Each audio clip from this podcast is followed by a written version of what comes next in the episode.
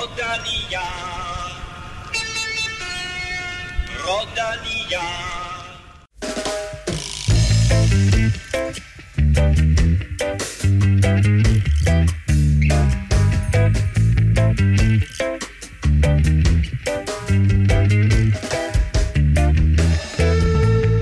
Søndag køres forårets sidste monument. Vi ser frem mod Liège-Bastogne-Liège sidste i udsendelsen, men inden da kan du glæde dig til masser af andre nyheder og analyse fra cykelsporten. Jakob Fuglsang fortsætter med at imponere og fortsætter også sit parløb med Julian Alaphilippe. De kom sammen til mål i både Amstel Gold Race og Fles Wallonne. Alexander Kamp blev en flot nummer 8 i Brabantse Pejl, der i øvrigt blev vundet af wunderkind Matthew van der Poel, som ja, i øvrigt også vandt Amstel. Victor Kampenarts gjorde det umuligt og stjal timerekorden fra Sir Bradley Wiggins. Kampenarts blev den første til at køre over 55 km på en time. Og Annika Langved fortsætter med at imponere på landevejen med topplaceringer i både Amstel og Flash Vallon, og så har Tour de France indført nye bonussekunder. Tak til alle, der allerede har støttet Velropa Podcast på tier.dk. Vi har på rekordtid krydset 60 gode samaritanere.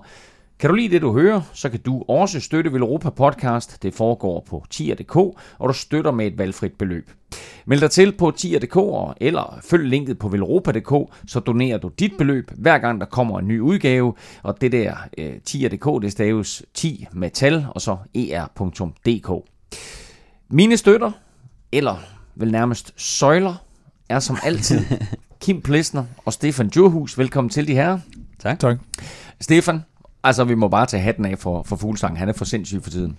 Ja, det er helt vildt. Altså, jeg, jeg tror aldrig, vi har set ham så god, og vi, vi så ham sidste år have sit, sit bedste år nogensinde, ikke? og det han bare er forbedret øh, i år, så det, det er helt vildt. Vi taler meget mere Fuglsang øh, lidt senere. Kim, vi taler også øh, Liège Bastogne Liège, og i den forbindelse, der øh, har du gang i et eller andet helt vildt projekt på caféen. Ja, det bliver vanvittigt nu.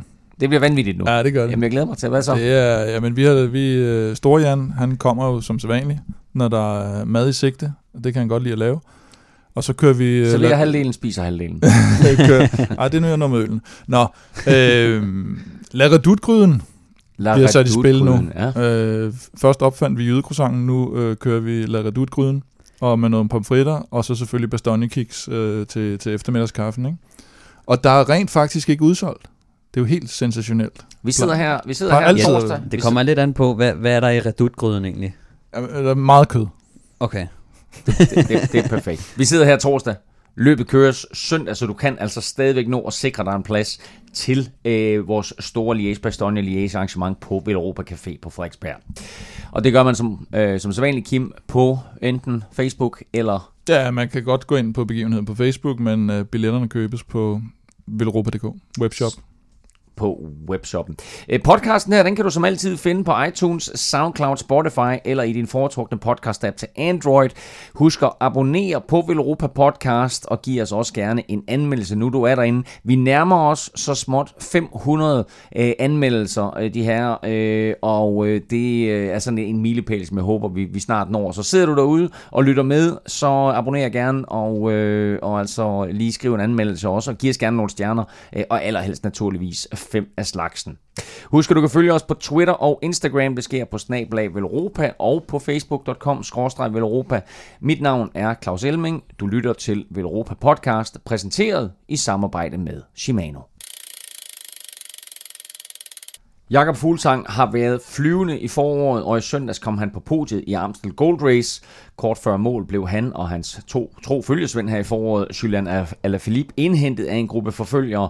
Hjemmebanefavoritten og cyklist ekstraordinære Matthew van der Poel vandt spurten foran Simon Clark og så med fuldsang på tredjepladsen.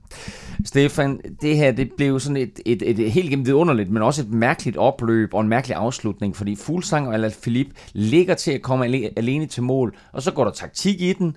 Fuglsang fortalte efterfølgende til TV2, at øh, det var en brøler at lade forfølgerne komme op, og, øh, og så ender det hele med, at Matthew van der Poel han vinder. Ja, altså jeg, jeg, det slår mig lidt, fordi at det, det er jo en brøler i det, han opdager, at han slog Alaphilippe på stregen.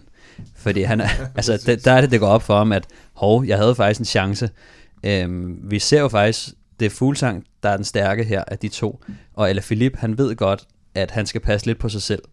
Øh, og der er det et samarbejde, der smuldrer lidt. Når Jakob begynder at angribe ham, så er det, at Alaphilippe tænker, okay, du angriber, så lader jeg være med, så kører jeg kun på 70%.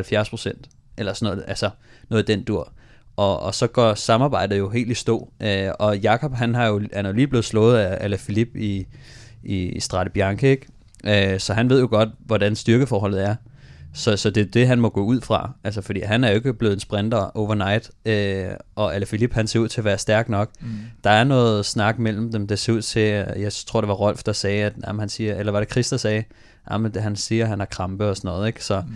og, og, og, det synes jeg bare var lidt sjovt, fordi at enhver cykelrytter kender det der med, når der er nogen, der siger, at de har krampe, altså det stoler man aldrig på. Mm. Altså, den, den falder du i en gang, og så... Øh, den fælde falder man i en gang, og så aldrig igen, ikke? Øhm, men det, det, det, det var også en meget forvirrende finale, hvor at, at vi anede jo ikke, hvor langt, ja, det vidste de jo heller ikke selv. Altså de, deres tider, det de gik jo, øh, de var jo forsinket på en eller anden måde, tror jeg. Øh, så de tror, de ved jo ikke, hvor langt øh, altså, Fuglsang siger til TV2 øh, efterfølgende, at øh, han beder øh, sin hjælper og sin følgervogn om at øh, give ham tider, mm. øh, sådan så han hele tiden øh, kan holde dem øh, på behørig afstand, og øh, kommer de i nærheden, så vil han slå til og sætte farten op. Mm. Og da så øh, følgebilen siger, øh, de 20 sekunder væk, så siger Fuglsang, nej, de ligger lige bag ved os. ikke? Så der er jo helt klart en eller anden form for miskommunikation der, og det brokker han sig lidt over også efterfølgende øh, Fuglsang. Men øh, det, jeg tror ikke, det er en miskommunikation. Jeg tror, det er fordi, at tiderne måske ikke er opdateret. Altså, nogle gange ja, så går der jo lidt fejl. fejl. Det, for der lå jo, var det Kwiatkowski og Trentin, der lå lige bagved, men måske har de tider, de har fået været ned til Trentin eller til Fantapol-gruppen. Ja og så har, de, så har de lige glemt dem, der var på, på mellemrum. Men det er jo de tider, man, når man sidder i bilen, altså man er jo heller aldrig sikker. Altså de sidder Nå, man er afhængig af tv'et. De, hvad? Eller man er afhængig af tv'et eller, tu, eller, eller de radio. De har jo en mobiltelefon eller et eller andet, de sidder og ser på, ikke? Og mm. så får de jo radioture, så, og så de har jo heller ikke alle informationer, så de, bliver, de giver jo de tider, som de har, og det er jo ikke altid, det ved man også fra tv, at øh, hvis man selv tager en tid, så, så er der lidt forskel. Og det er kun, hvis Rolf tager sin egen tid. Ja, det gør han jo tit. Så, så kan man være sikker på det. Men altså, er det, er det, er det, er det en fejl af Jakob Fuglsang at sætte farten så meget ned? Kan han overhovedet gøre andet i den her situation? Fordi han jo selvfølgelig er i tvivl. Øh, ikke bare er i tvivl, men nærmest overhovedet ikke tror på, at han kan slå alle Felipe i en spurt. Jamen, jeg, jeg, jeg synes jo faktisk, at jeg synes jo, det var det helt rigtige. Og, og netop så bagefter så siger han, nu var, nu var det så alligevel en fejl. Fordi jeg synes jo egentlig, eller nu kan man så forstå, at han gjorde det kun på grund af de meldinger, han fik. Han gjorde det ikke af sådan rent taktisk øh, årsager. Og jeg synes jo faktisk, at han kørte den helt rigtigt, fordi altså, han tager stadigvæk, altså nu ved jeg godt, han slog ham så i spurten, men hvis Alaphilippe havde kørt om sejren, så tror jeg stadigvæk lige, at Alaphilippe havde, havde nappet ham. Ikke? Og det kan man aldrig nogensinde vide, men det må så være det, jeg tror. øh, men, men, men det, altså, det, for mig var det glædeligt, at han siger, jeg gider ikke køre til mål med dig nu igen. Ja. Og så får du sejren ligesom Starte Bjerg. Han er nødt til at lave et eller andet, der ødelægger den rytme, eller hvad skal man sige for alle Philippe, og sige, prøv at jeg er pisselig glad så. Så bliver vi bare hentet. Ja. Og der er han nødt til at være den, fordi det er ham, der ikke vinder 9 ud af 10 gange, når de kommer til stregen. Og det, det er også den eneste fejl, som jeg ser. Altså jeg synes, det, det er det rigtige, fordi at han har lige fundet ud af, hvordan styrkeforholdet er. Skulle han køre cykelløbet igen, så har han gjort det samme, tror jeg. Men den eneste fejl, jeg synes, der er, det er, at han faktisk tøver, han tøver lidt. For det ender jo med, at de bliver hentet på stregen. Så enten så skal han sige, okay, jeg går all in, nu angriber jeg hele tiden fra nu af. Mm. Altså, så nu angriber jeg 10 gange ind mod stregen, hele tiden. Øh, fordi at hvis han, hvis han er så færdig, som han er, så skal Jakob være sikker på, at det er den 11. spurt, når de når stregen, og ikke den tredje. Mm. Altså, så, og, så han ved ikke rigtigt, skal han vente, eller skal han angribe, eller hvad skal han gøre? Så han, han er selv lidt i tvivl, og det kan jeg godt forstå, men han bliver nødt til, nu ved han jo godt, nu er han blevet klogere på det hele, så nu kommer vi til at se en anden fuglsang i Liège, hvis, hvis de mm. kommer i en samme situation. Men han, han er selv lidt i tvivl om, hvad skal han egentlig gøre? Han prøver at angribe to gange, det er ikke nok. Så går der taktik i den, men det, det, det var for sent på det tidspunkt at lade der gå taktik i den. Mm. Så skulle det have været længere udefra. Fordi, men det er også bare, vi må også bare erkende, at det er, nu kan vi sidde og snakke herfra til, til solen går ned. Men det er bare noget lort at komme til mål med Alaphilippe. Altså, det ja. er det. Med mindre man er Van der Pol, så er det, så er det lige meget. Ja. Men det er, bare no, altså, det er bare en ubehagelig rytter at komme med, fordi netop uanset hvordan han ser ud, om han ser ud som om han er krampe, eller han ser ud som om nu er han måske lidt færdig, det har næsten aldrig været i de der situationer, så får han lige til sidst alligevel. Ikke? Men det der også er med Jakob, det er, det er først nu, han begynder at køre efter sejren. Mm. Altså for at være helt ærlig. I Strate Bianche, der tog han ham med, velvidende, at han havde, han havde smalle chancer for at vinde den her. Mm. Øh, og, og, og, det, og det finder han ud af nu. Nu er han pissegodt kørende. Nu vil han gerne prøve at vinde ja, altså et af de store, store løb her. Ikke? Og det taler vi om også øh, lige om lidt, fordi lidt senere i udsendelsen, så skal vi også tale om Flex Vallon, hvor han var endnu tættere på at mm, vinde. Ja. Øh, øh, mange ting at tale om her med Amstel. Mm, Stefan, du har siddet der.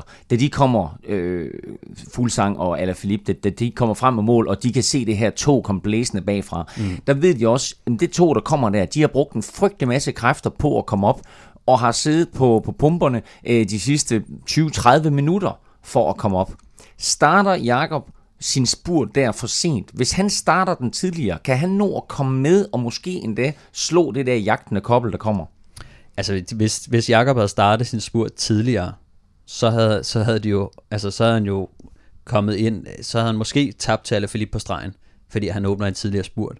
Men han, han havde jo muligheden for at køre ind som nummer to. Men jeg tror ikke, det er nok for Jakob, og det er derfor, han er sådan lidt splittet, fordi han, han ved godt, den her spurt vinder jeg ikke.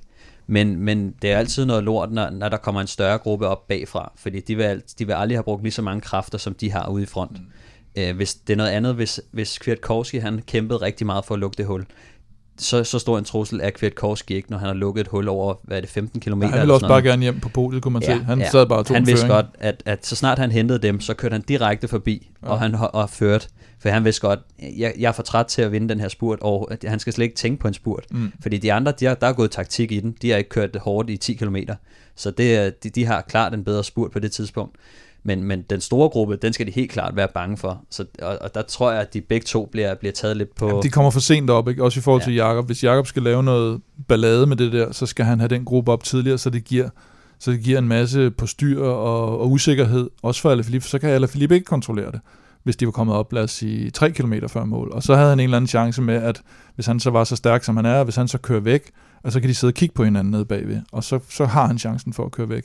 Men det har han ikke hver gang, han kun sidder med Alaphilippe, fordi så kører Alaphilippe jo bare efter ham hver gang, og sætter mm. sig i hjulet på ham. Så, så den er meget sværere en mod en, end egentlig en gruppe.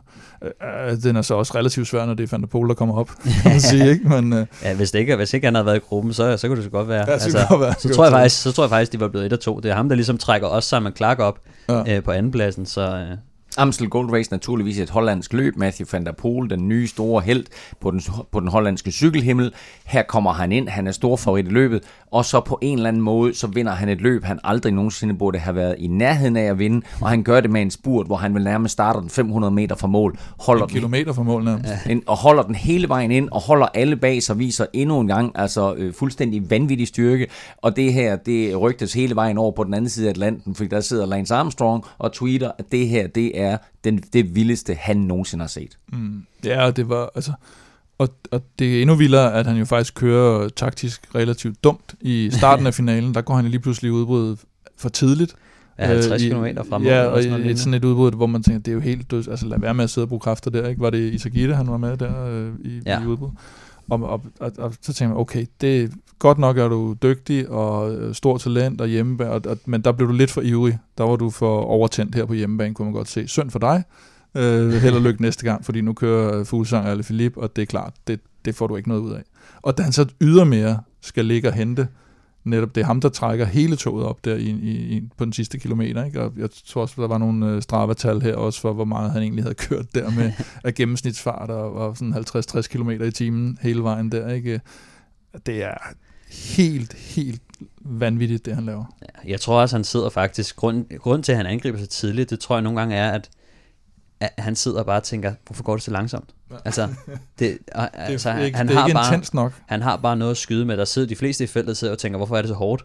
Men, altså, men jeg tror at nogle gange, når man er så god som han er, og som Sagan også har været nogle gange, ja. som, altså der er nogle rytter, der har det der en gang imellem, hvor at, at de tænker sådan, jeg er sindssygt kørende i dag, altså lad os bare komme derud af. Altså, og, og, og den rammer ham så lidt, for jeg, jeg synes, det er rigtig smart, at Alaphilippe, han er faktisk lidt bange for, øh, for Van der Poel, synes jeg godt, man kan se. Mm. Han ved godt, at han er måske ikke stærkere end ham i en spurt, så, så han har lidt, lidt ligesom Jakob har det med Alaphilippe, med sådan, det er ikke super at køre hjem med ham.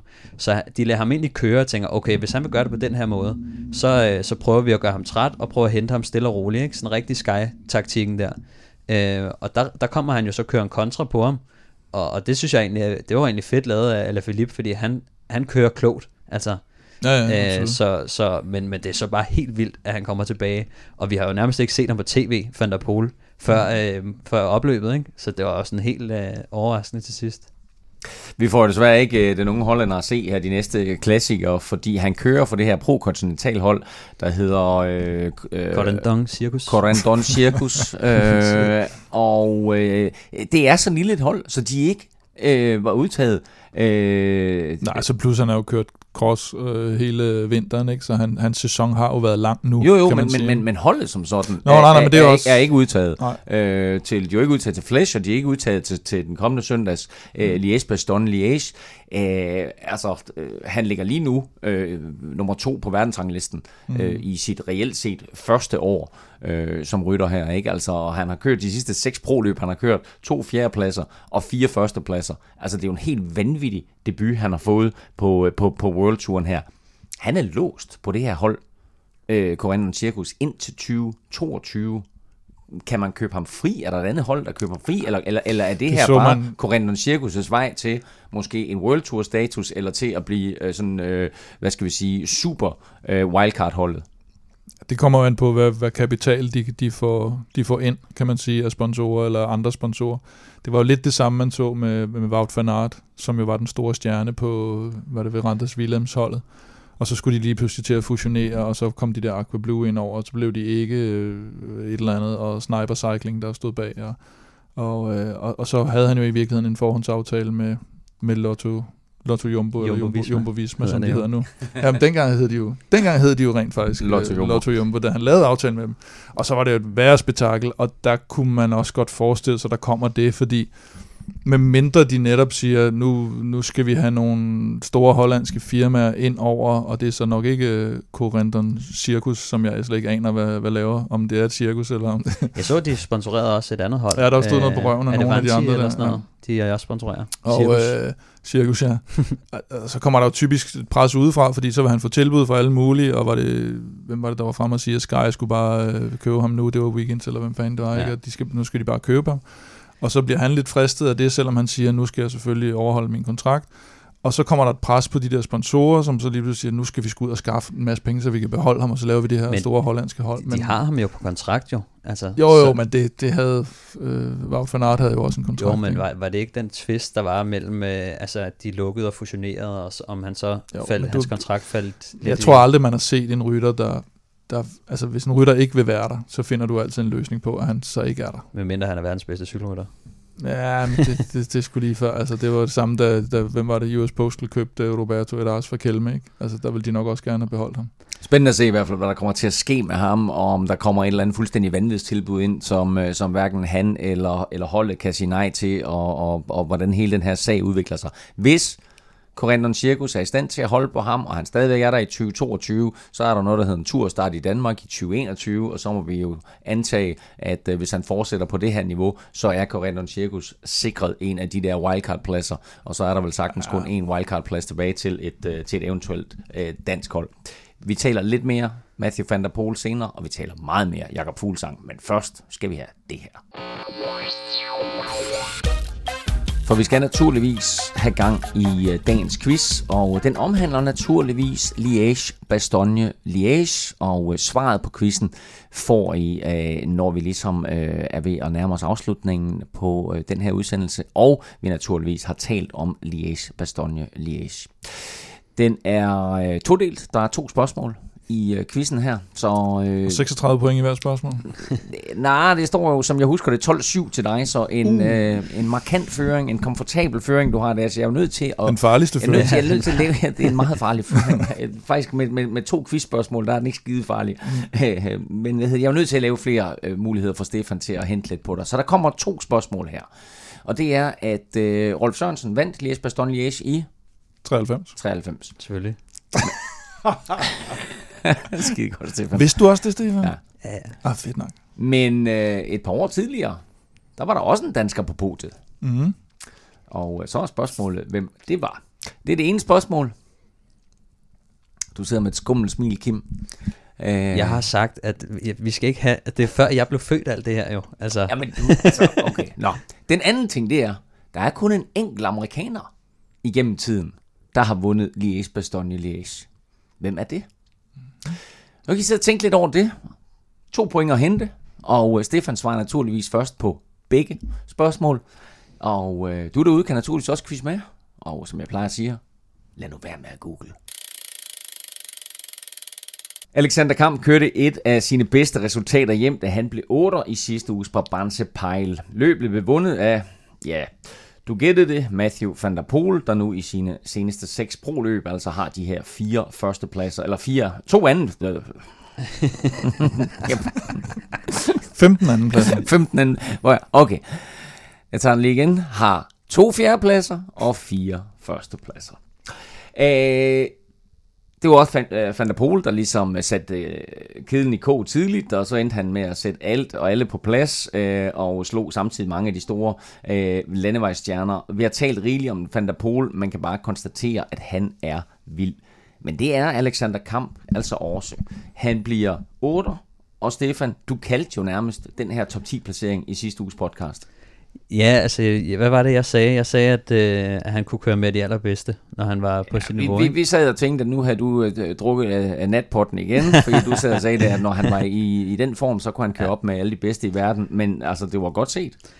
Ja, altså, nu kender jeg jo godt Alexander, og, og jeg ved bare, hvor stort det talent er, og, og det, det er sådan lidt sjovt med, med, med kamp, fordi han har været i snak med nogle, nogle hold før, ved jeg, øh, og det er bare aldrig rigtig faldet på plads, så han er sådan en type, der har været lige ved at næsten, men, men han har talentet, så jeg synes, det var rigtig fedt at se ham. Øh, han sad jo kanon godt med øh, i feltet, og, og blev bakket godt op af Emil Vinjebo og, og Stokbro, som jeg også selv har leveret store resultater i år faktisk. Øh, og det var bare fedt at se, at de kunne være med. Altså, øh, og, og da, da, de her, da den her øh, kvartet så kører sted, der har han ikke lige øh, punchet til at køre med. Men altså, det er jo de færreste, der kan det. Det fede er, at han, han kommer ind og, og, og kører og, og, og, og kvartetten skal du lige rise op. Van der Poel, Alaphilippe, Tim Wellens og Michael Matthews. Det er okay, det er, okay det er fire navne, ikke? Det er okay at, at lade dem køre på, på en god dag, ikke? Uh, oh. Så, øh, så, så det, det synes jeg var imponerende. Så, så øh, kommer han jo ind og, og bliver kun slået af, af Bettiol og Gasparotto på stregen, men, men hvad hedder han, Bjørk Lambrecht var også lige smuttet lidt afsted før, ikke? Men, øh, men han bliver træer i den her spurt, ikke? Øh, det bevidner også bare lidt om, at han kan sidde med i det her terræn, og han kan spurte med de bedste, og det bliver en rigtig spændende rytter, øh, fordi han er jo først lige ved at bide sig fast i de her løb. Han har jo ikke fået den eksponering for de her cykelløb så meget før. Han har jo kørt øh, nogle andre HC-løb og sådan noget, men, men det er først nu, at han begynder at køre med her, og det kommer også til at bygge videre på hans styrke øh, fremadrettet. Øh, så så jeg, jeg glæder mig bare til at se, øh, fordi jeg tror, han, han har talentet til noget mere.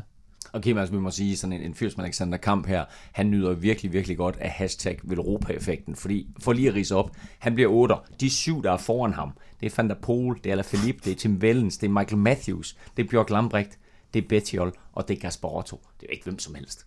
Nej, det er en stor, øh, og, og, og hvad hedder det, og forholdet, synes jeg også. Altså, de, de havde en lidt, uh, Rival Readiness havde en lidt, uh, lidt sløj sæsonstart, ikke? hvor man godt kunne se, at de skulle ud og have nogle tæsk. Det var de lidt selv klar over måske, fordi de havde, havde timet den til, at der var nogle andre løb, de synes var vigtige. Øh, og nu så man også faktisk, øh, som, øh, at, at Vinjebo kører på podiet i Trobro Leon, sådan en, en hipster, hipster Paris-Roubaix. Øh, det viser som, eller det lader som til, at de, at de er ved at være der. Det, og de er, de er ved at komme, have nogle rytter, der kommer op på et niveau, hvor det begynder at blive interessant, og hvor løbsarrangørerne også øh, sådan med, med fordel kan sige, at det var egentlig meget godt, at vi fik inviteret dem her med, ikke? i stedet for, at man hele tiden sidder sådan der og tænker, ah, de mangler lige det sidste, ikke? Så er det, så er det ret fedt at se. Ja, det er også fedt der. for mig, at jeg sidder her. Det her, det, det er alle de røvhuller, som jeg har kørt med. og, og jeg ved, hvor, hvor fucking gode de er. Ja. Og, og, og de er ikke blevet til noget. Altså på den mm. måde, at sådan, ja. vi alle sammen sidder og jogger rundt på kontinentalniveau.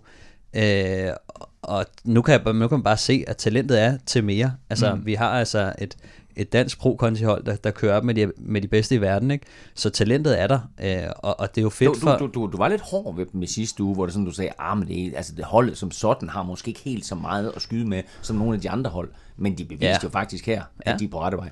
Det synes jeg, men jeg, jeg tror også, at, at jeg tror ikke, at det, det var de færreste, der... Altså, det kan godt være, at de tænker selv, at en top 15, top 10 er et godkendt resultat, men inden sæsonen startede, der tror jeg ikke, de havde regnet med, at det ville være så godt. Altså, men de har altså nogle kanoner, som, som rammer den rigtig godt i øjeblikket. Altså, øh, Vinjebo, Kamp, Stokbro blandt andet, ikke? Øh, så, så, så det er jo bare fedt at se, og jeg tror også, det der er vigtigt for sådan nogen som, så nu laver Kamp en top 10'er i Brabantse Pejl, grunden til, at kamp ikke er kommet videre før, det er også fordi, at hans resultater er primært kommet i, i Danmark, i Norge øh, og, og sådan nogle steder. Det, det er mere sådan, hvis man vil videre i verden, så skal man ned og præstere øh, foran næsen på, på de store hold. Og det er sådan noget, han gør nu. Og Kamp, han har kun skrevet en, en etårs kontrakt. Ja, og så tog han måske også en... Jeg, jeg mener, det var der, hvor han valgte at tage til Ris, hvor han jo egentlig havde nogle tilbud fra, øh, fra nogle hold.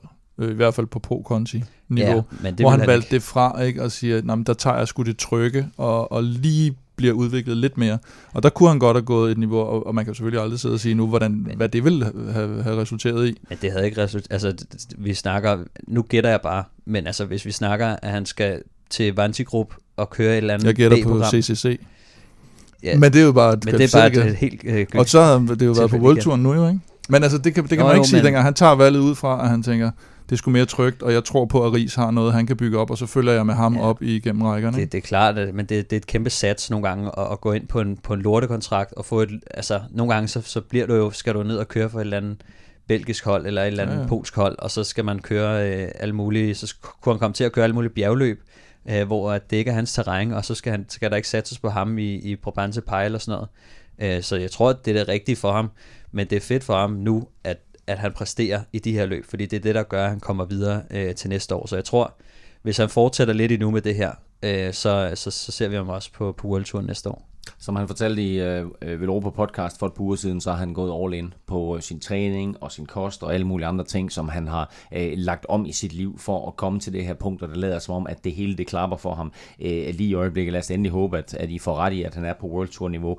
til næste år. Hvad er øh, Alexanders øh, program øh, lige nu, og hvad, hvad er dine forventninger til ham?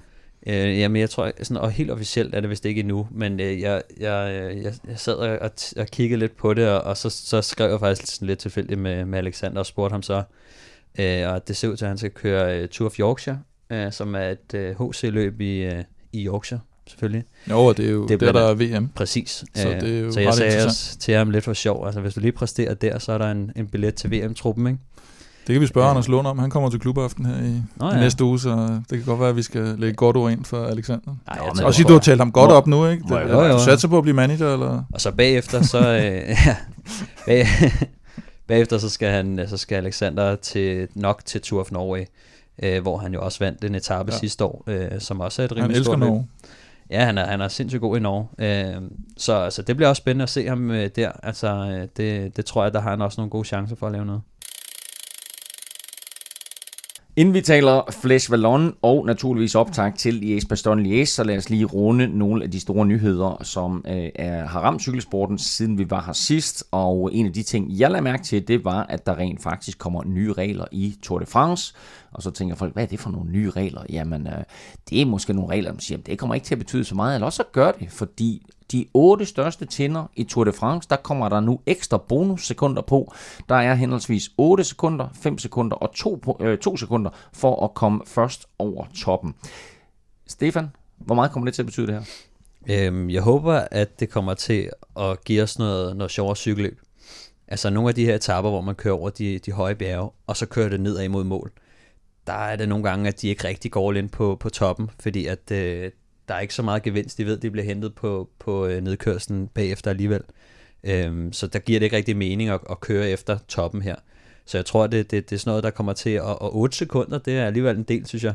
Altså hvis man nu kører først over øh, et par gange, så kan du lige pludselig begynde at gøre op for noget af den tid, man eventuelt har mistet på en enkelt start eller sådan noget. Ikke? Øh, så, så det er alligevel lidt betragteligt. Ikke afgørende, vil jeg sige. Nej, det er altså noget, hvis, der kan have en hvis, betydning.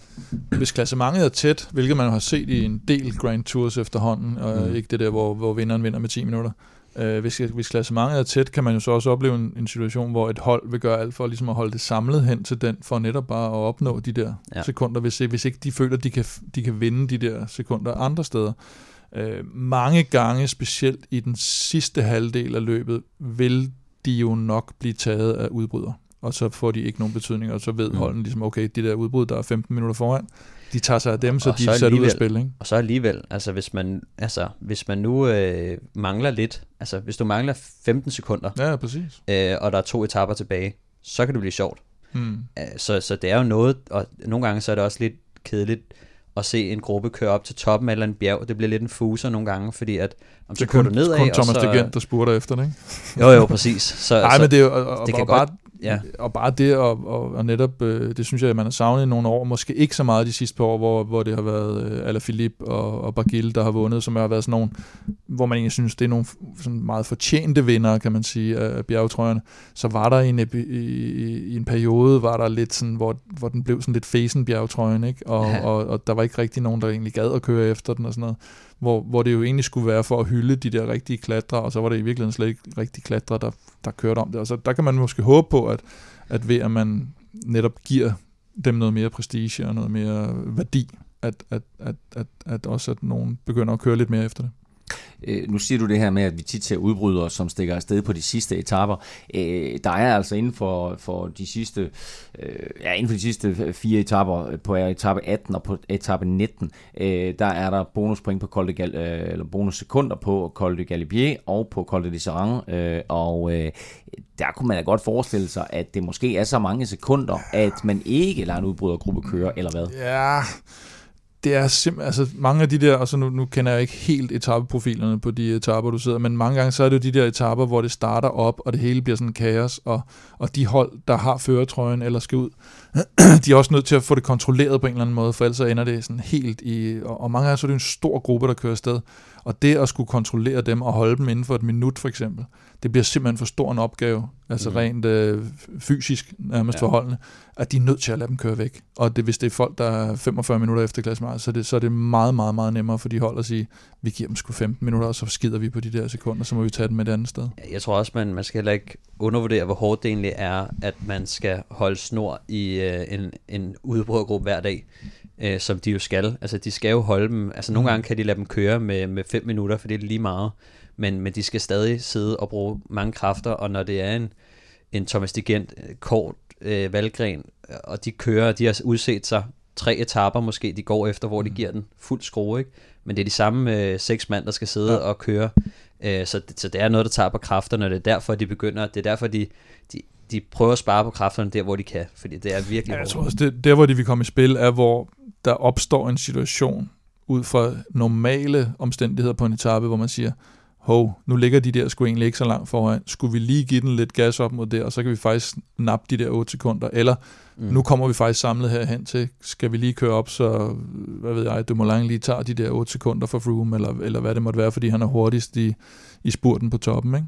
Så, så det skal være noget, som løbet i sig selv åbner op for, tror jeg jeg tvivler på, at der bliver rigtig mange etapper, hvor, hvor det bliver en del af en, en, en større strategi. Men det kunne også godt være et skift i føretrøjen, altså måske i, ja, ja. på nogle af de første bjerge, altså lige 8 ja, sekunder nogen, der helst, her, 8 eller der, nogen, så... der ikke vil have føretrøjen. ja, der smider den op og, op og tage de Thomas igen, du kan få. Ja. Annika Langvad kørte øh, sit andet og tredje landevejsløb i år, da hun øh, blev henholdsvis nummer 4 i damernes Amstel Gold Race og 3'er i Flash Vallon Øh, Stefan, hun har altså også lavet en, en flot overgang fra cross til landevejen. Det er, det er helt vildt, ja. Uh, det er så sjovt at se. Altså, hun, det er hendes første professionel kontrakt på landevejen. Og uh, i hendes debut i Strade Bianca bliver hun toer. Så kører hun ikke før Amstel Gold Race, der bliver hun fire. Og så kører hun uh, Flash Vallon og bliver treer.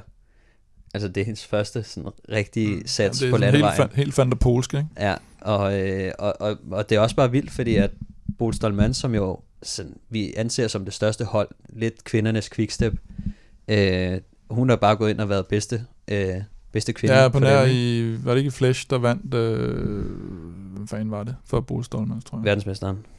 Van der Brikken? Ja. Ja.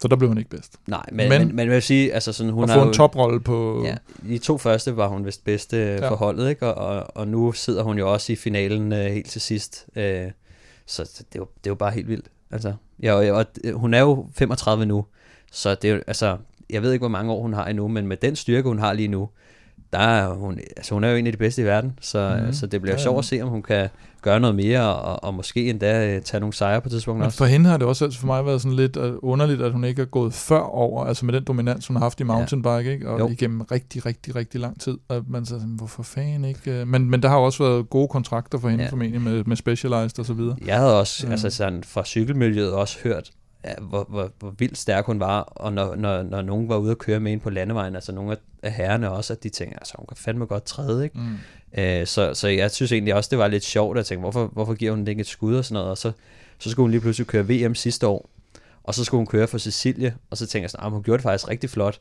men okay, altså, når alt kommer til alt, så er Cecilie bedre, og landevejsrytter, der var alligevel lang vej op, fordi at hun var rimelig knækket i finalen og sådan noget, ikke? altså helt til sidst. Men nu går hun altså bare ind og, og, og er jo bedste dansker, og øh, er en af verdens bedste, bare på, mm. på kort tid. Ikke? Jeg siger bare 4, 3, 2, så mangler vi kun Etter. Etter. Så lad os bare håbe, at det er det næste resultat for, for Annika. Er du skarpt? Nummer 1 i verden på en time det er nu en fyr, der hedder Victor Campanarts, fordi Sir Bradley Wiggins mistede nemlig sin ellers uslåelige timerekord for lidt over en uge siden. Victor Campanarts nye rekord er 563 meter, hvilket jeg synes er ret voldsomt. Den er 563 meter en Wiggins tidligere rekord, så Campanarts blev med øh, den her rekord den første mand i verden, der kom over 55 km. Den nye rekord på en times kørsel, godt nok på bane i Manchesters tynde luft. eller i, i Mexikos tynde luft. Den nye rekord, den lyder på 55 km og 89 meter. Og, Men hvor øh, længe var han egentlig om det? Jamen sådan cirka en time, lige omkring en time. Så øh, vanvittigt flot øh, af, af Campanarts. Der er noget med noget, øh, der er noget gearing eller lidt hvert, som var anderledes i Campanarts opsætning. Øhm, ja, jeg, jeg, nu har jeg læst lidt om det også, og, og han, øh, han, han har jo testet mange forskellige gearinger af, øh, og han valgte at gå med, med, med et rigtig tungt gear. Altså, det, det, det er et rigtig tungt gear. Øh, lidt tungere end det, som Wiggins kørte med. Øh, og det gør jo bare, at Wiggins han er jo vant til at køre så meget på banen. Prøv at sætte nogle tal på for, for os normalt, der ligger og kører på kompaktklinger og sådan noget. Øh, jamen, altså, det er en 53 klinge, nej, 63 klinge foran, øh, så det er, det er 10 tænder mere, end man normalt har på.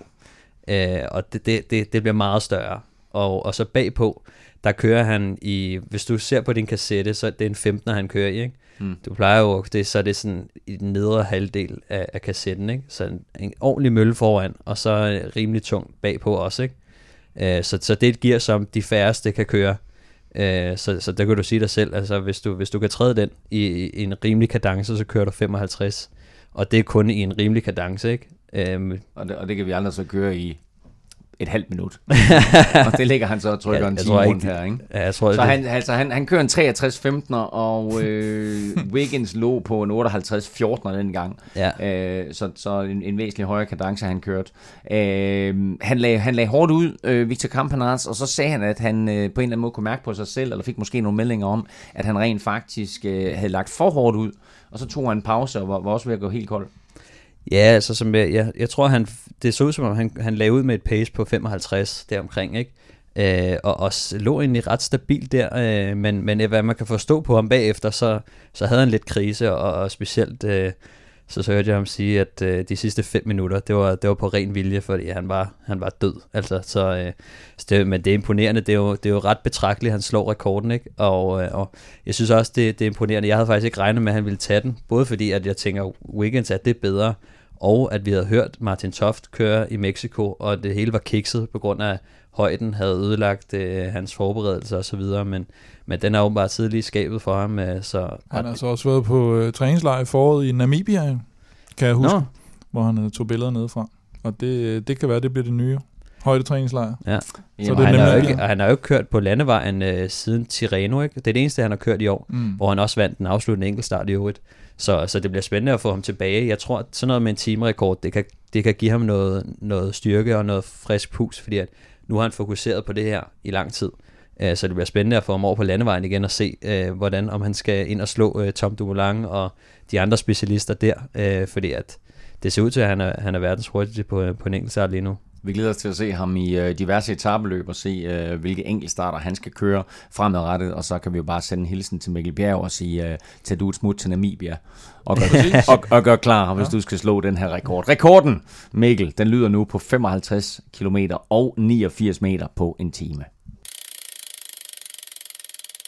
Onsdagens Flash Vallon blev også et par løb mellem Julian Alaphilippe og Jakob Fuglsang. Franskmanden trak det længste strå, men det blev en uhyre tæt afgørelse på Myrdewi. Og jeg synes, altså nu har vi, nu har vi talt om, om Jakob Fuglsang, men det her, det var så tæt på, og han gjorde præcis det, du talte om tidligere, Stefan, mm. nemlig at her kørte han efter sejren.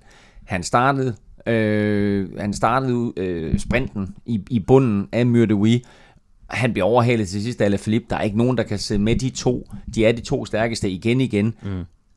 Og selvom Alaphilippe overhaler ham, så er Jakob forsvindende tæt på at komme tilbage og tage ham på stregen. Det er vel sagtens kun 20 cm, det drejer sig om. Ja, jeg, jeg, jeg synes, man, man kunne godt se på Jakob, at han har fået lidt mere selvtillid, øh, og han, han har fundet ud af, ah, måske er jeg faktisk stærkere end Alaphilippe i virkeligheden, så, og han gør det rigtigt ved at starte tidligt. Øh, så så jeg synes, det, øh, han kører helt som, som han skal faktisk. Øh, man kunne godt sidde og håbe på, at han havde, han havde åbnet den 50 meter før, og, og, og så se. Men, men han, han gør det rigtigt og starte den tidligt, fordi at det ser ud til, at, at, at jo længere jo hårdere det bliver, så, så, så har Jakob overtaget.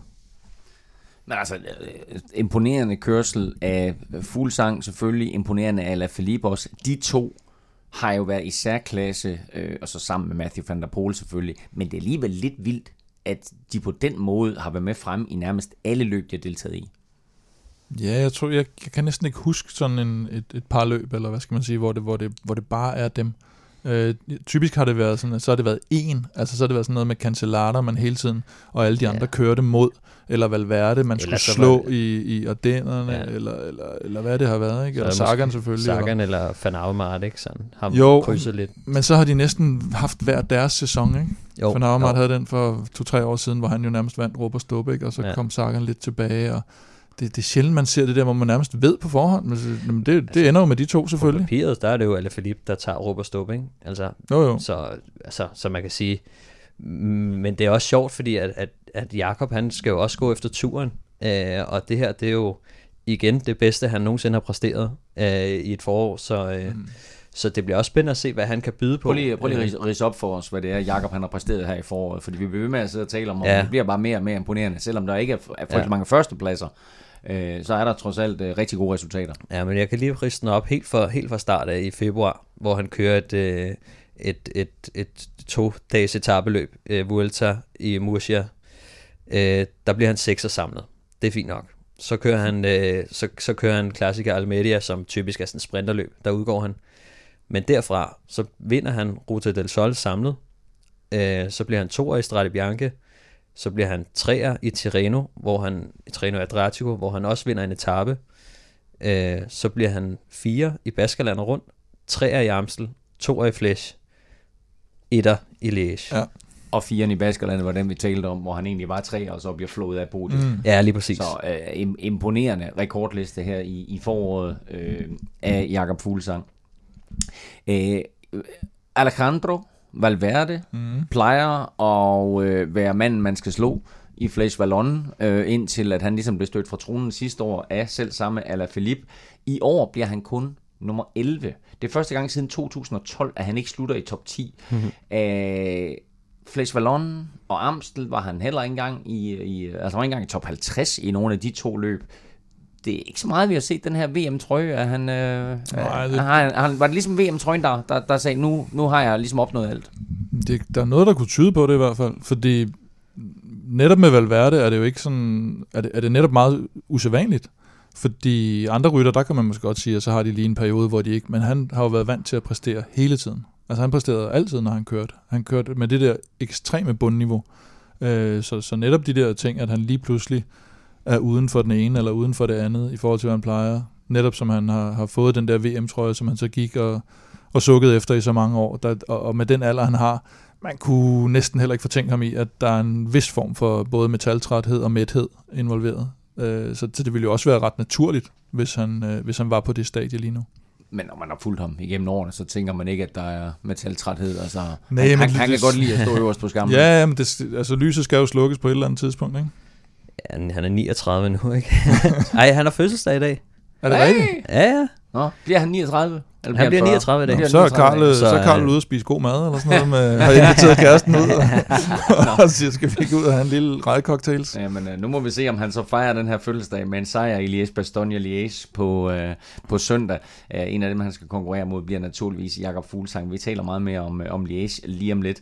Uh, men lad os lige først vende en af de andre danskere, som vi ikke har talt nær nok om i det her forår, og i hvert fald ikke nær så meget, som vi gjorde sidste forår, netop, øh, øh, nemlig Michael Valgren, fordi øh, han var hverken i Amstel eller Flash Vallon i nærheden at gøre sig bemærket. Vi har talt om det før, og øh, nu er der altså overhovedet ikke nogen tvivl, og han har også øh, selv øh, været meget selvkritisk, også i et interview, han lavede med, med, med TV2 for nylig. Øh, det her forår har på det nærmeste været en katastrofe for mm. sidste års danske komet. Ja, det har det jo, og, og jeg har også siddet og undret mig lidt over det, fordi at, og hvis, hvis der er mange der, derude, der sidder og tænker, okay, han har været syg i et par dage eller en uge, eller hvad det nu er, øh, herregud, altså, kan det ødelægge helt forår? Og der, der vil jeg bare sige, at ja, det kan det godt, altså hvis, hvis det rammer på det forkerte tidspunkt.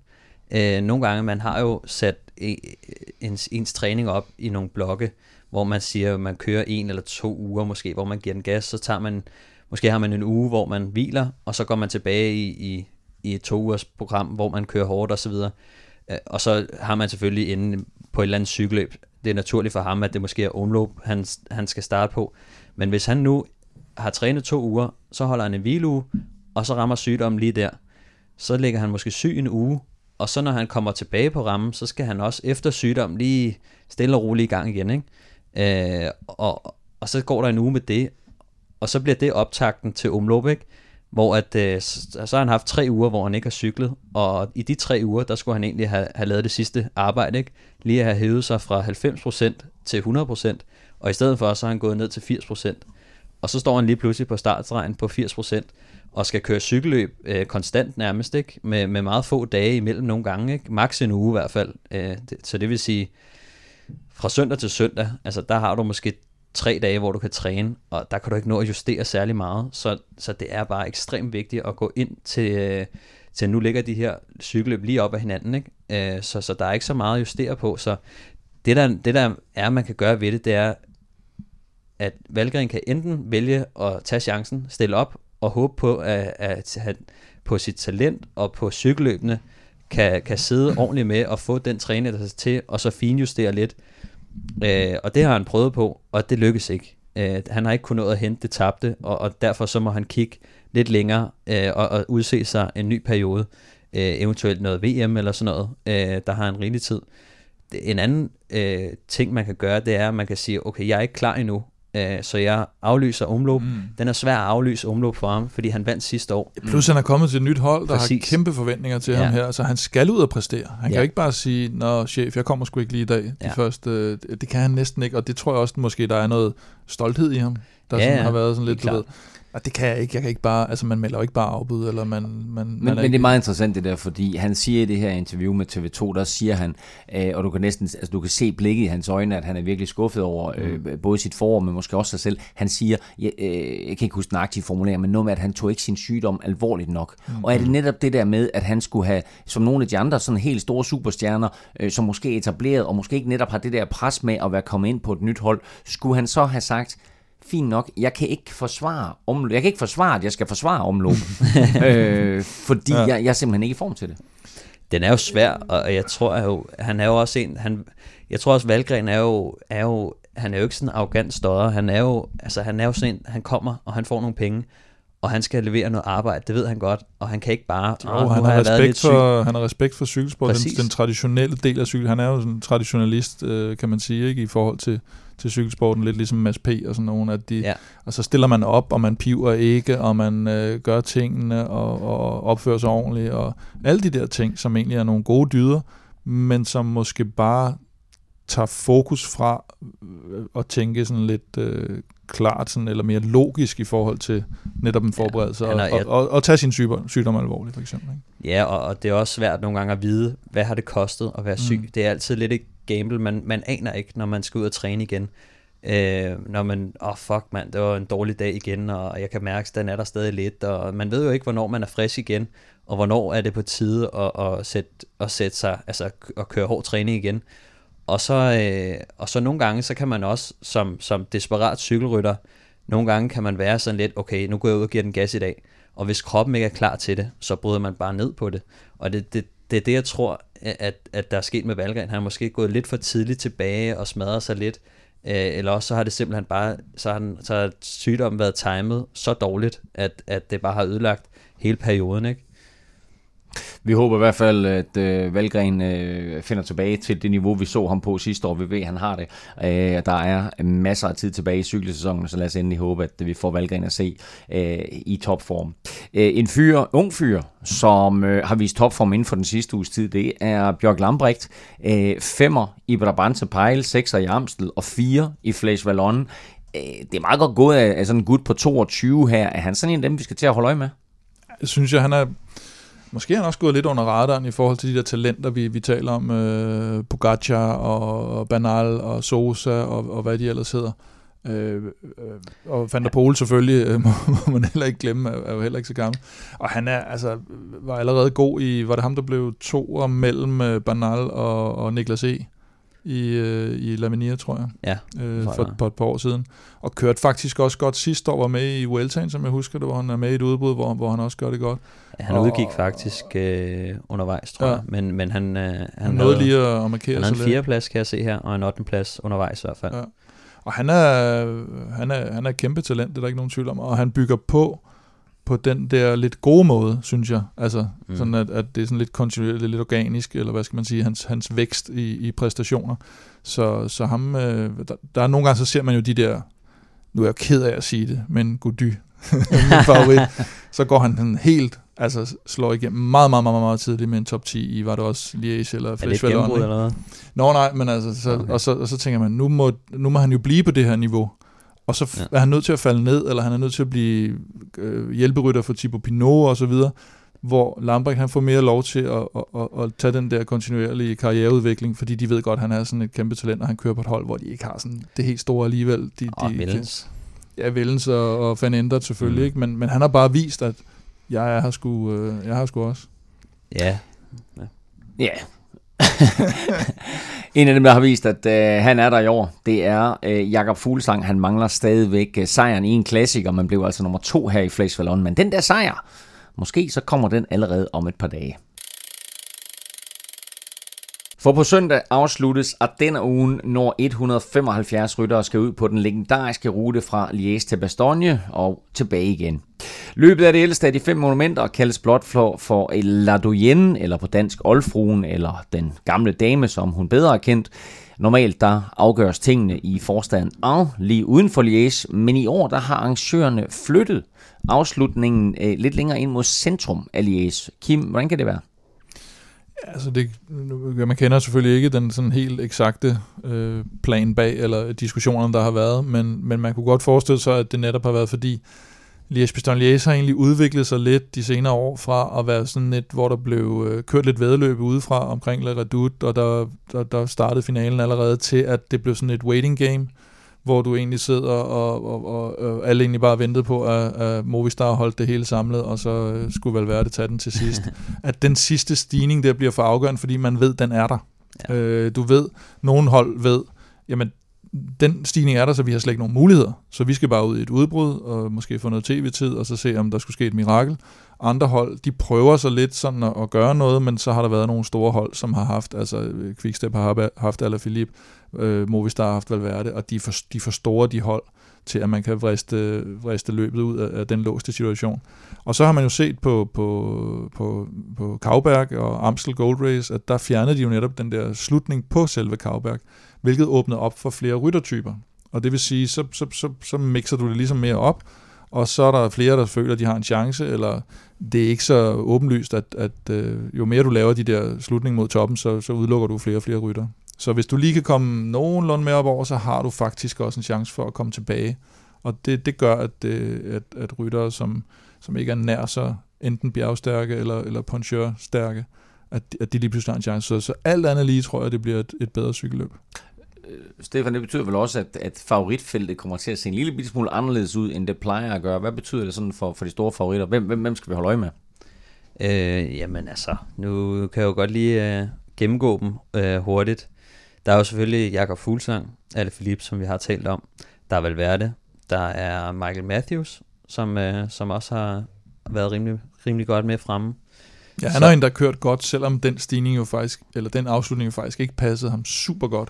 Mm. Så har han kørt nogle, nogle topresultater, og han ja. vil jo næsten blive farligere med den, med den nuværende afslutning. Ja, for kan han klemme sig med henover, ja. og det er jo så det, der bliver, øh, hvad hedder det, spørgsmålet, ikke? De ja, for vil, der nu de, de vil gerne have af med ham. Ja. Altså sådan en som Alain Philippe vil gerne af med ham. Lad os sige, de sidder i samme gruppe. Han vil gerne af med ham på den bakke, men altså, han skal heller ikke splitte det så meget, at Fuglsang kører væk fra ham. Mm. Fordi at det ser ud som, at Fuglsang er en lille smule stærkere, jo længere og hårdere det bliver. Men det er jo et meget godt eksempel på det der med den nye afslutning. At tidligere, der vil uh, Quickstep og Movistar, som har alle Kører ned til bunden. Nå, men, men de vil være ligeglade med, om Matthew sidder med. For ja. de ved, at på toppen af den der stigning, der bliver han alligevel lige sat. Måske kun med mm. nogle sekunder. Men nu, hvis han bliver sat på den sidste stigning med nogle sekunder, så ved de, at han kommer tilbage. Så nu skal de længere ud i terrænet og mm. have sat ham af, så han lige pludselig er fem minutter bagefter, når de kommer ind til mål, og ikke lige pludselig kommer op igen. Og det burde jo åbne op for et mere interessant løb, og, og ligge i tråd med alle de andre løb, vi har haft, der er blevet åbnet tidligt. Ja, lige præcis. Øhm, så, øh, så er der en som, øh, som Adam Yates, som jeg synes, han har i hvert fald været ude og udtalt sig, han, han var klar til Flash, som han måske ikke helt, øh, så var han nede og ligge her i, i, i Flash mm. Vallon, ikke? Men, men er jo også øh, en, øh, en mand, der, der ser ud til at være ret godt kørende, som jeg tror, vi skal holde øje med. Jeg ved ikke, der er mange fra Quickstep, synes jeg egentlig. Altså, øh, Bob Jungels vandt sidste år. Men, øh, men man kører ikke i år, faktisk. Ah, altså, okay. Altså han, han, jamen, han er på den officielle startliste, men jeg er ret sikker på, at han ikke kommer til at forsvare løbet. Okay. Øhm, og jeg tror, den, den startliste, som, som lige nu øh, er stadigvæk uofficiel, der, for, der figurerer han på, men jeg tror ikke, han mm. kører. Okay, det, det må vi se på. Jeg sidder jo bare... Jeg, den, det troede Stefan helt sikkert ikke på. Ja, den er god, den er god med dig. Den er god med dig. Ja, jeg kan ikke se, hvorfor han ikke så køre, men, men det kan være, at vi får, får noget mere at vide på et tidspunkt. Men altså, han, øh, som, som jeg har hørt det, så kører han ikke, og Peter Sagan har simpelthen valgt at trække stikket og sige, ja. øh, lidt eller Valgren, jeg er der simpelthen ikke, jeg mangler noget. Også han har været ramt af sygdom, mm. så han kører heller ikke med. Øh, hvem har du yderligere favoritter?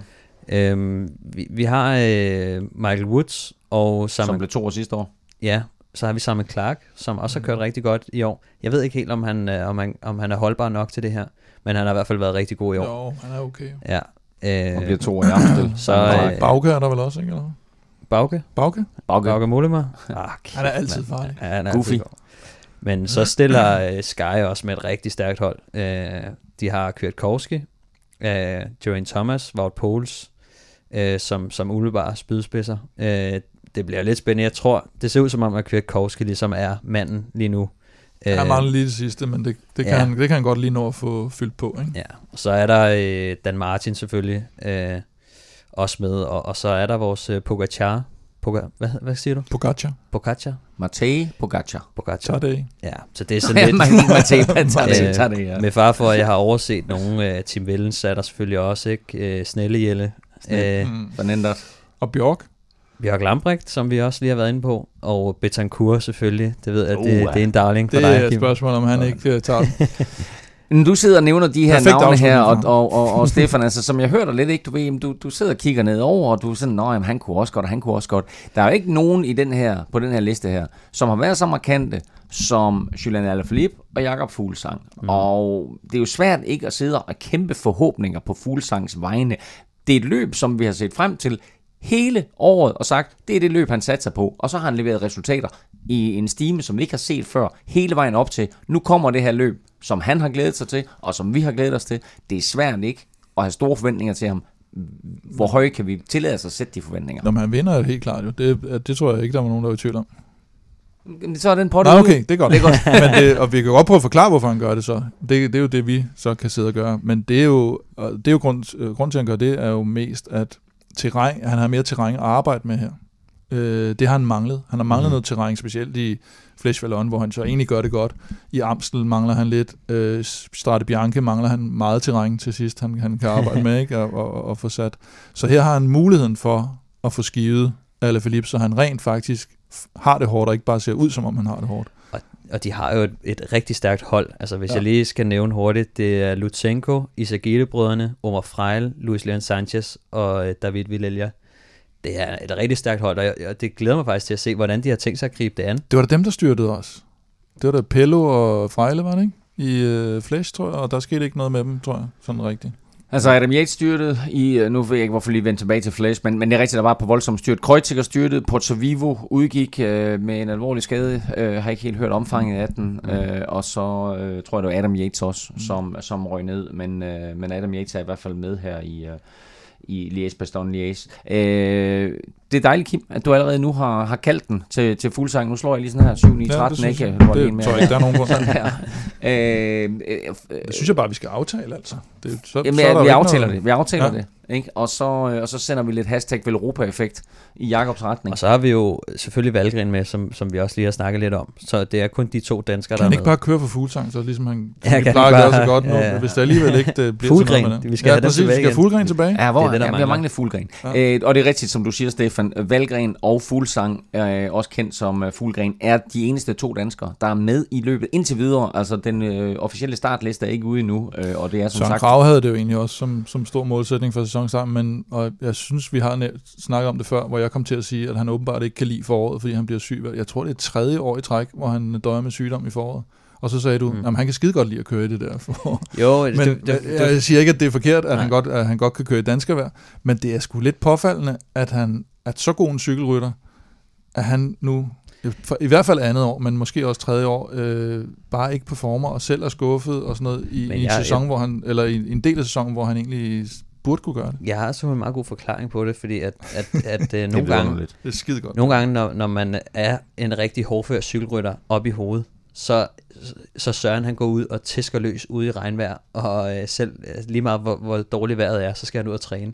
Og det er sådan noget, der kan ramme en. så han det er, bliver syg af sin overivrighed. Det, det har ramt mig flere gange, hvor mm. at jeg, jeg skal være uh, tough guy. Du er også syg i hovedet, ud og, det, er, det er typisk. Men jeg har altid været meget sådan disciplineret angående min træning og tænkt, okay, jeg, selvfølgelig kan man altid justere en lille smule, mm. øh, men, men generelt så, så, så holdt mig til mit program, og, og nogle gange så, altså hvis man har en hviledag, så, så skinner solen, og dagen efter skal du køre fem timer i sjaskende regnvejr. Mm. Altså så med årene har, har jeg sådan lært, jeg blev så meget syg, at jeg vendte ligesom rundt på det, ikke? Så jeg kører fem timer i solskin, og så tager jeg hviledagen. Øh, Solskinsrytter? ja, så, men, men, men fordi det ramte også mig på et tidspunkt, at, at, ja. at jeg skulle ud og træne, og jeg skulle være hård, og, og så blev jeg bare syg. Og, mm. og det fandt jeg ud af med tiden, at det var ikke så smart. Og det, det kan være sådan noget, der sker for Søren, fordi jeg ved, at han ikke er bange for regnvejr. Øh, måske er han, øh, skulle han respektere det lidt mere, eller passe lidt mere på sig mm, selv i virkeligheden. Ja, okay. Og det er også en øvelse som cykelrytter, man skal passe på. Vi kan se, at Valgren øh, har måske ikke helt uh, taget nok højde for sin sygdom, og Søren skal måske også lære, okay, nu er jeg blevet syg, øh, måske, du siger, det er tre år i træk, ikke? Øh, måske skal jeg lige prøve at tænke mig lidt om, hvordan jeg griber det an næste forår. Mm. Det er i hvert fald en, en uh, vigtig rytter, som uh, Dumoulin ikke har med, og Søren Krav var selvfølgelig også en outsider til at, at vinde løbet uh, selv. Matthew van der Poel er som nævnt ikke med, fordi hans hold, uh, Corinthians Circus, uh, Circus, whatever, uh, ikke er udtaget. Uh, vi har fået nævnt nogle favoritter, vi har fået nævnt et par danskere. Jeg synes, at vi skal prøve at komme med uh, et bud, og måske ja. en, uh, en outsider også, hvis, uh, hvis også, man har det, til at, til at altså. vinde. Ja, vi har faktisk ikke ramt rigtigt overhovedet nu i år. Uh, Kim Plester, du får lov til at lægge ud. Mm. Hvem tror du vinder Flæsvallon? Mm. Lies Baston Lies. Jeg tænker, at Van der Pol vinder flest. Ja. Øh, jeg siger Michael Matthews. Au, den var oh. fræk. Nå. Jeg synes, han har set lidt skidt ud, hvis jeg skal ja. være helt ærlig. Ja, men det er tillykke. Jamen, Stefan, Stefan up to you. Øhm, oh, ja. Jamen, Jamen, så kan I jo øh, vælge, men om, I, om I skal tage Fuglsang eller, eller Philip. Jeg tager øh, Philip Gilbert. Altså, så nu går du tilbage på Gilbert. Ja, man ja. må ikke tage Fuglsang, fordi ham ved vi jo vinder. Ja, altså nu, nu, nu tager jeg Fuglsang. Jeg var ude i, du ved, at når det, kom, når, når det kom til mig, så blev det sikkert Roman Bardet eller et eller andet, jeg skulle ud i. Uh, så det var egentlig ham, jeg havde udset mig. Men, uh, men nu tager jeg Fuglsang. Så vil jeg gerne have, så vil jeg have Alaphilippe som outsider. Jamen det var det. som dark horse. ja. Dark horse. Godt. Jamen jeg siger simpelthen Fuglsang, og så en hurtig outsider, Kim. Åh, oh, det... Lambrecht. Ja, det er rigtigt, det kunne være frækt, ikke? Jeg tænker mere, øh, at Van der Pol får et sidste sekunds outside. Det, det, det, det, det er ikke vilde, det, det er ikke vilde, Nej, det er ikke helt umuligt. Eller han vinder, selvom han ikke er med. Han kommer bare kørende ind så, så fra højre. Så er han simpelthen. Ja, så god er han. Øhm, min outsider, siger ja. Jeg, har, jeg, jeg havde faktisk overvejet at sige Tom Dumoulin, fordi at øh, når han stiller op til cykelløb, så kører han faktisk cykelløb. Jeg tager Bauke så. Og han er... Okay. Ja, jeg tager Bauke. Øhm, jamen, jeg tager, jeg tager Tom Dumoulin. Jeg synes ikke, I tager det alvorligt det her. Jeg tager Jelle van Endert øh, som, øh, som, som, er out, farlig, som outsider. Snelle, snelle Jelle. Øh, men der har I det. Øh, Kim Plesner siger Michael Matthews. Stefan går tilbage på Philip Gilbert, og jeg er så heldig, at Jakob Fuglsang han falder til mig, så øh, vi smider som sagt lidt uh, hashtag Velropa-effekt lige i retningen af Fuglsang.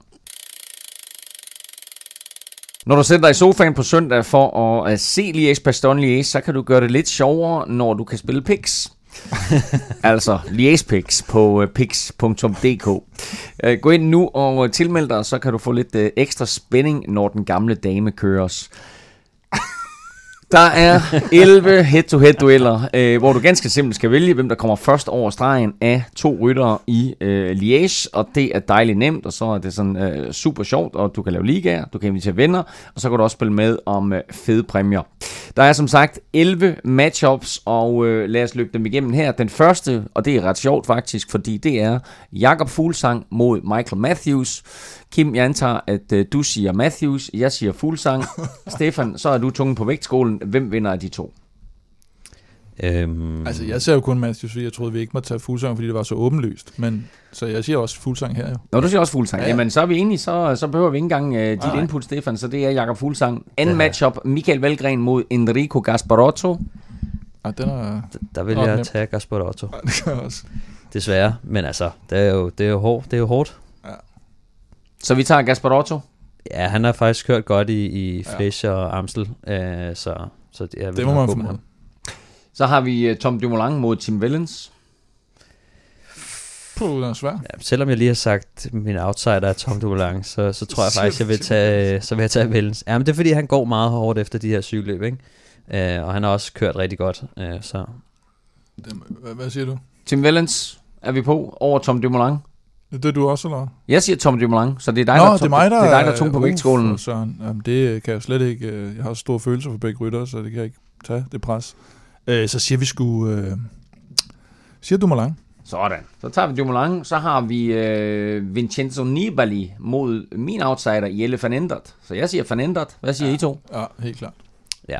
Det er vi alle tre på. Mm. Van Endert. Så har vi Jonis Agire mod Lilian Kalmachan. Det var fandme da en mærkelig en. Der tager jeg Isagite. Var, han, var ikke et eller andet løb, han ikke var med i? Jon? Ja, så tager jeg Kalmachan, fordi så skal du til at... så, skal oh, det tager, jamen, så, tager, så tager jeg... Øh, så tager jeg... Øh, så tager vi Isagite.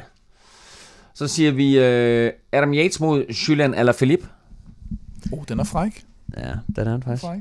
Altså, alt fornuft peger mod øh, Alaphilippe, ikke? Så vi siger Yates. Jeg siger Alaphilippe.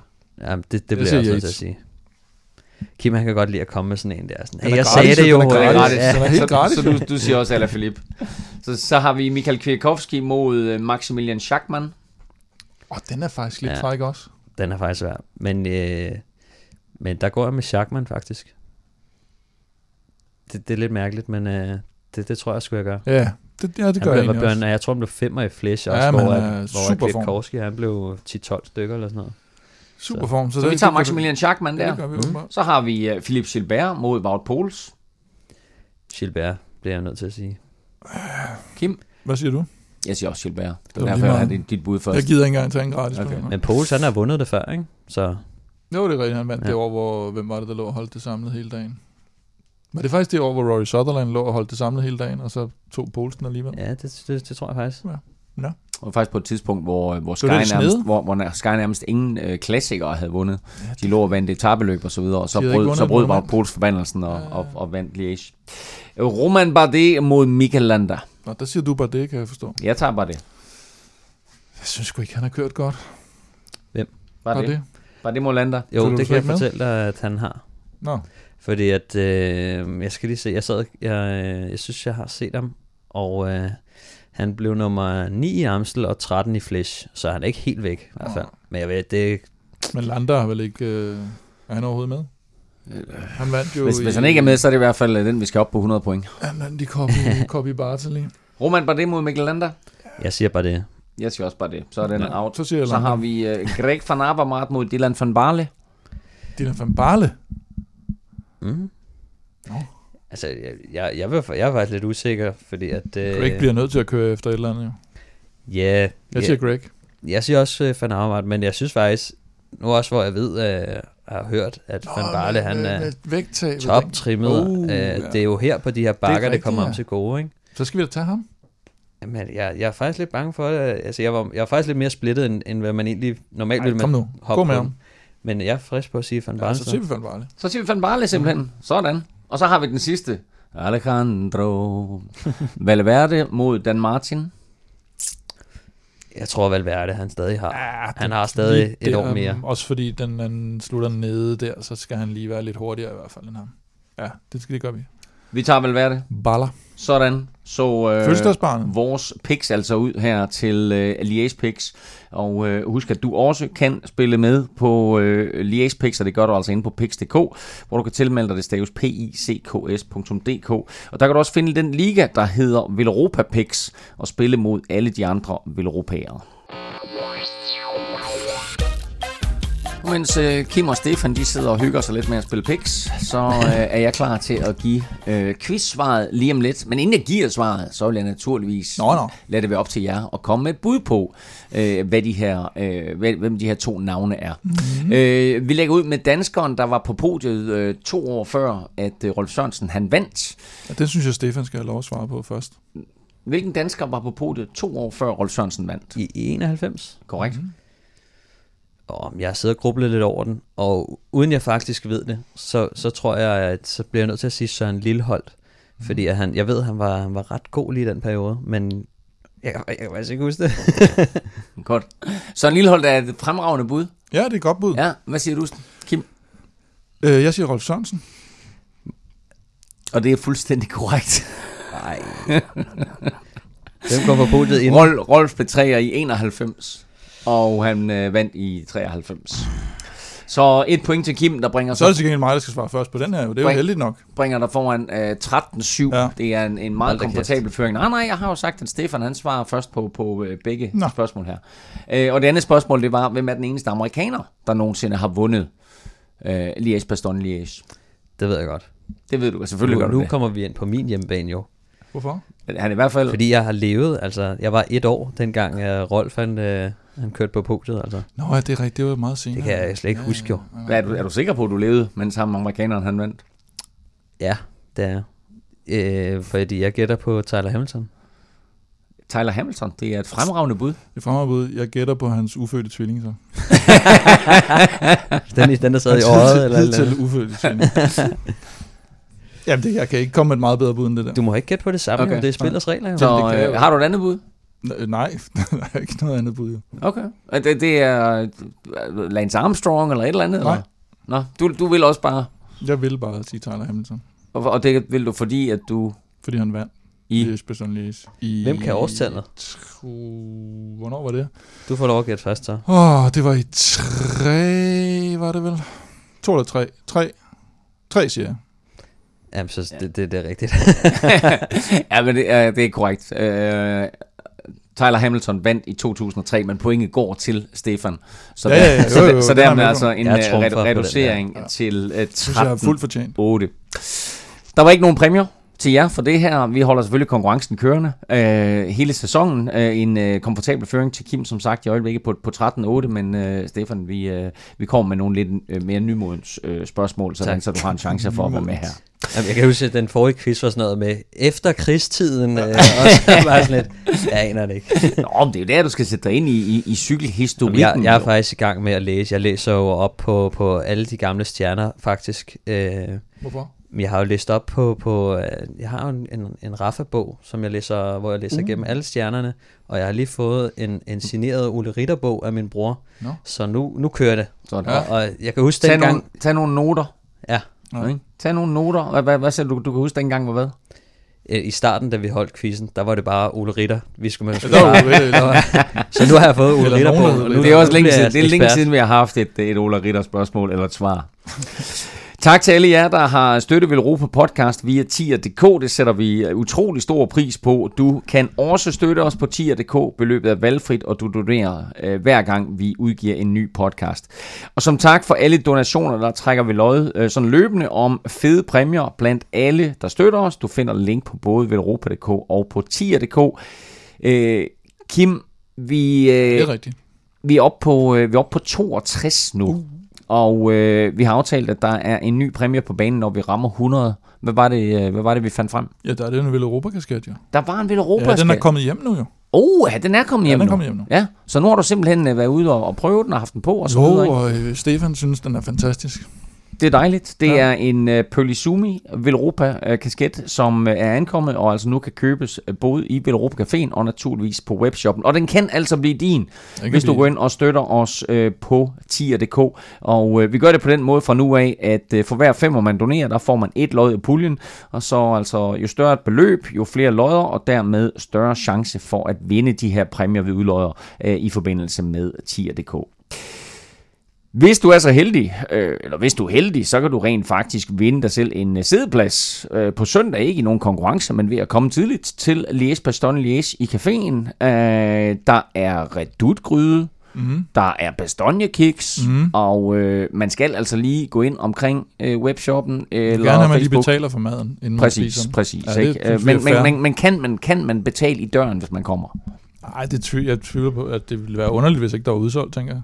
Nå, men der er ikke udsolgt nu her torsdag aften. men altså, gå ind og, gå ind og tjek. Så og, øh, i aften kan man godt øh, betale i døren. Kom ind og se Liège Bastogne Liège sammen med andre øh, cykelfans, og så får vi forhåbentlig alle sammen sendt noget hashtag Velropa-effekt i Jakob Fuglsangs retning, så han om sider kan få knækket øh, Allan Philip. Kim Plesner, og Velropa kan du følge, på både Twitter og Instagram. Det sker på Snablag Velropa. Stefan er at finde på Snablag Stefan Djurhus. Og undertegnet kan du følge alle steder på Snablag NF Elming. Tak for nu. Tak til vores sponsor Shimano. Tak fordi du lyttede med. Og så alt muligt held og lykke til Jakob Fuglsang med Den Gamle Dame.